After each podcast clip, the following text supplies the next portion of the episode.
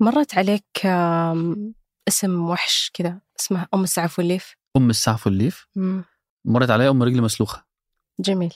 زمان وإحنا هذا فرق الثقافات. أيوه أيوه وإحنا صغيرين. طيب أم السعف والليف هذه أسطورة خليجية خوفونا فيها.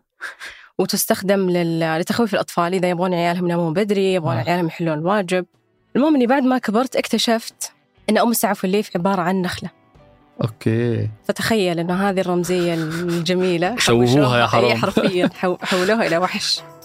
ما حضرتك أم رجل مسلوخة دي اكتشفت انها حقيقية لما كبرت.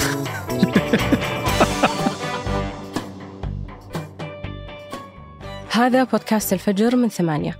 بودكاست فجر كل يوم نسرد لكم فيه سياق الأخبار اللي تهمكم معكم أنا بشاير القطيفي. وأنا شهاب سمير.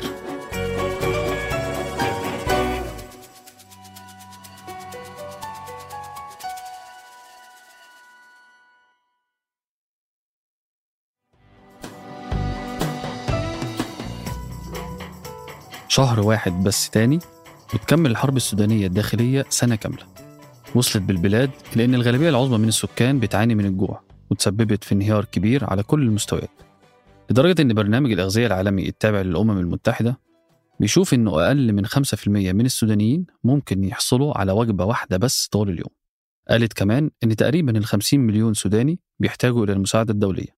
وده بيعتبر تاني أسوأ تصنيف بيعتمده برنامج الأغذية العالمي لحالات الطوارئ بعد تصنيف المجاعة كمان انخفضت قيمة العملة المحلية السودانية مقابل الدولار الأمريكي بعد الحرب عشان يسجل سعر الصرف في الدولار حاليا 1200 جنيه مقابل الدولار الواحد. وأدانت مفوضية الأمم المتحدة لحقوق الإنسان الانتهاكات والتجاوزات المروعة اللي ارتكبها الطرفين في الصراع السوداني وهم قوات الجيش بقيادة عبد الفتاح البرهان وقوات الدعم السريع بقيادة محمد حمدان دقلو خلال الحرب في السودان. بيمثل الجيش أمل الإسلاميين الأخير في الرجوع للحكم بينما قوات الدعم السريع على أمل مماثل للقضاء على الإسلاميين. ويمكن عشان السبب ده بيعتقد الكثير أن الأزمة في السودان سياسية أكتر من كونها عسكرية.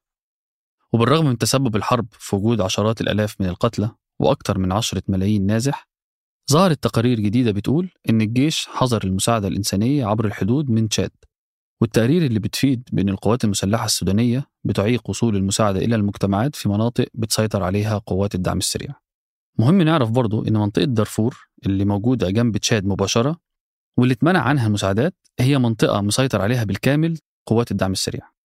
وبالتالي بيعتبر الجيش إن عدم وصول المساعدات للداخل هي وسيلة الضغط الأخيرة للانتصار تماما على قوات الدعم السريع.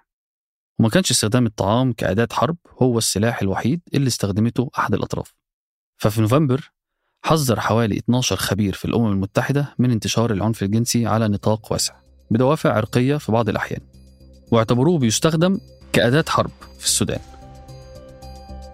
غالبا هنحتاج نعرف التوزيع الجغرافي للقوات على الأرض وعشان نفهم أكتر شكل الصراع في السودان. الجيش يهيمن على جزء كبير من البلاد ويحاول بكل الطرق السيطرة على دارفور تحديدا منطقة القوة للدعم السريع. لكن قوات الدعم السريع تقاتل للسيطرة على الخرطوم نفسها إلى جانب مدينتي أم درمان وبحري المجاورتين اللي تملكهم من بداية الحرب واللي زاد عليهم منطقة دارفور بعد ما قدرت تحشد قواتها للسيطرة على الفاشر عاصمة شمال دارفور. لكل طرف في السودان مساحة قوة ثنائية. بمعنى امتلاكها لمنطقة محورية بشكل ما ووجود طرف يدعمها من الخارج.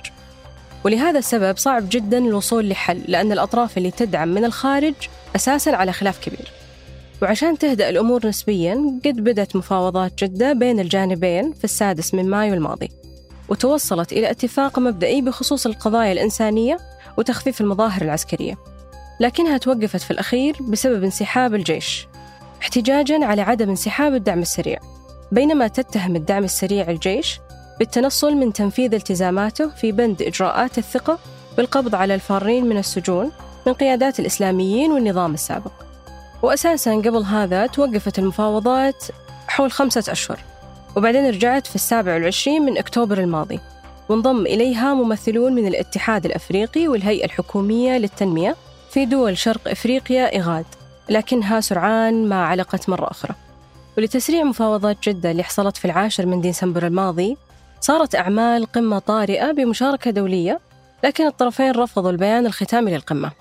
وتم انتهاك العديد من اتفاقيات وقف إطلاق النار اللي تفاوضت عليها السعودية والولايات المتحدة في جدة ووافق عليها الطرفين المتحاربين.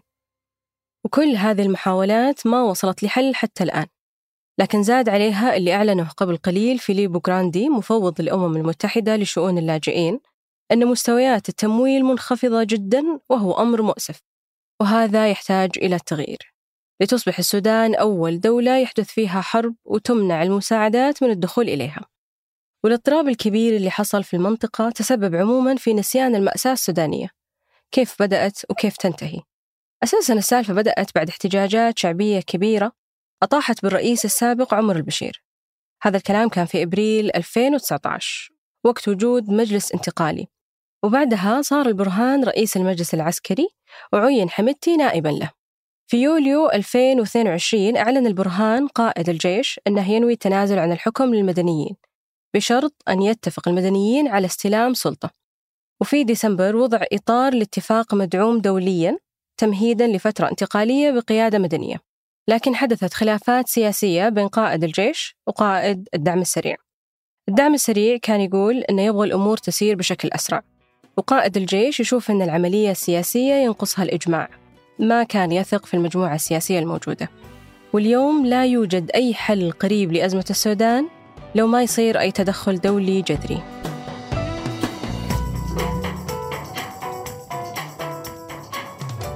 وقبل ما ننهي الحلقة دي أخبار على السريع.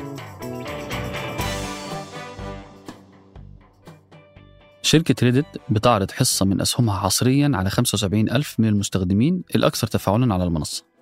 وكانت في يناير الماضي أعلنت منصة التواصل الاجتماعي ريدت إنها بتخطط لطرح أسهمها بالبورصة في شهر مارس. وعادة ما بيكونش المستثمرين المؤسسين هم الخيار الأول لبيع الأسهم في الطروحات اللي شبه كده.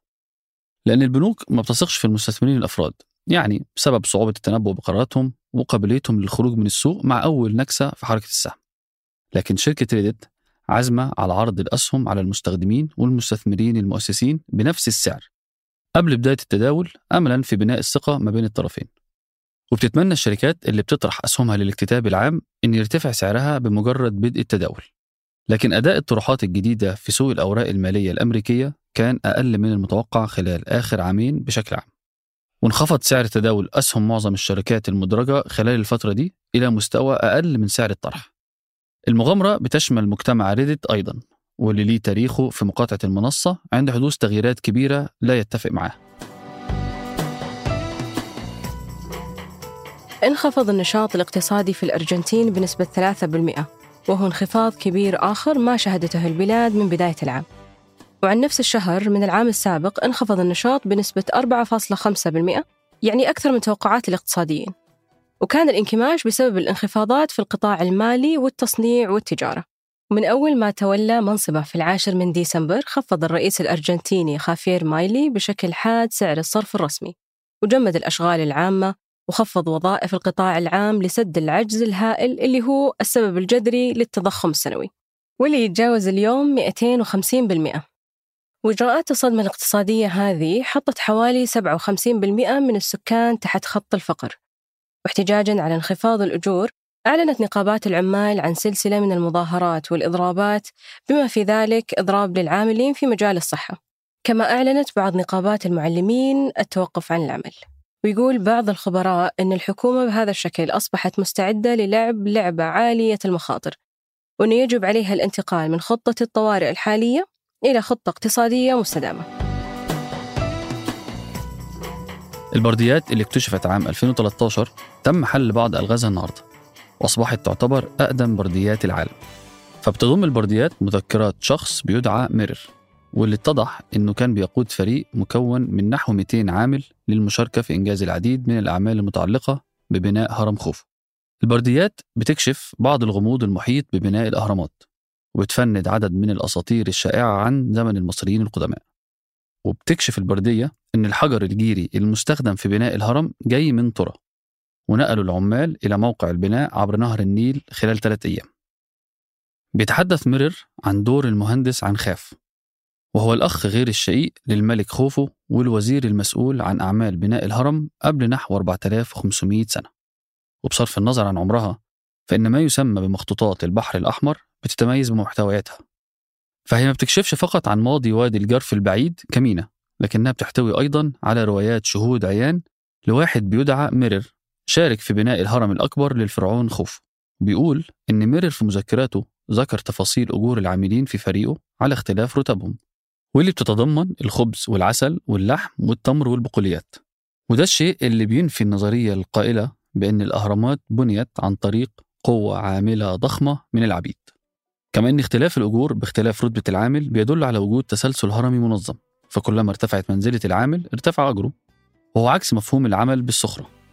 وكان اكتشف البرديات دي عالم المصريات الفرنسي بيير تاليت في وادي الجرف المنطقة اللي كانت ميناء مصري قديم وأصبحت حديث العلماء المهتمين بعد وجود أقدم برديات العالم فيها.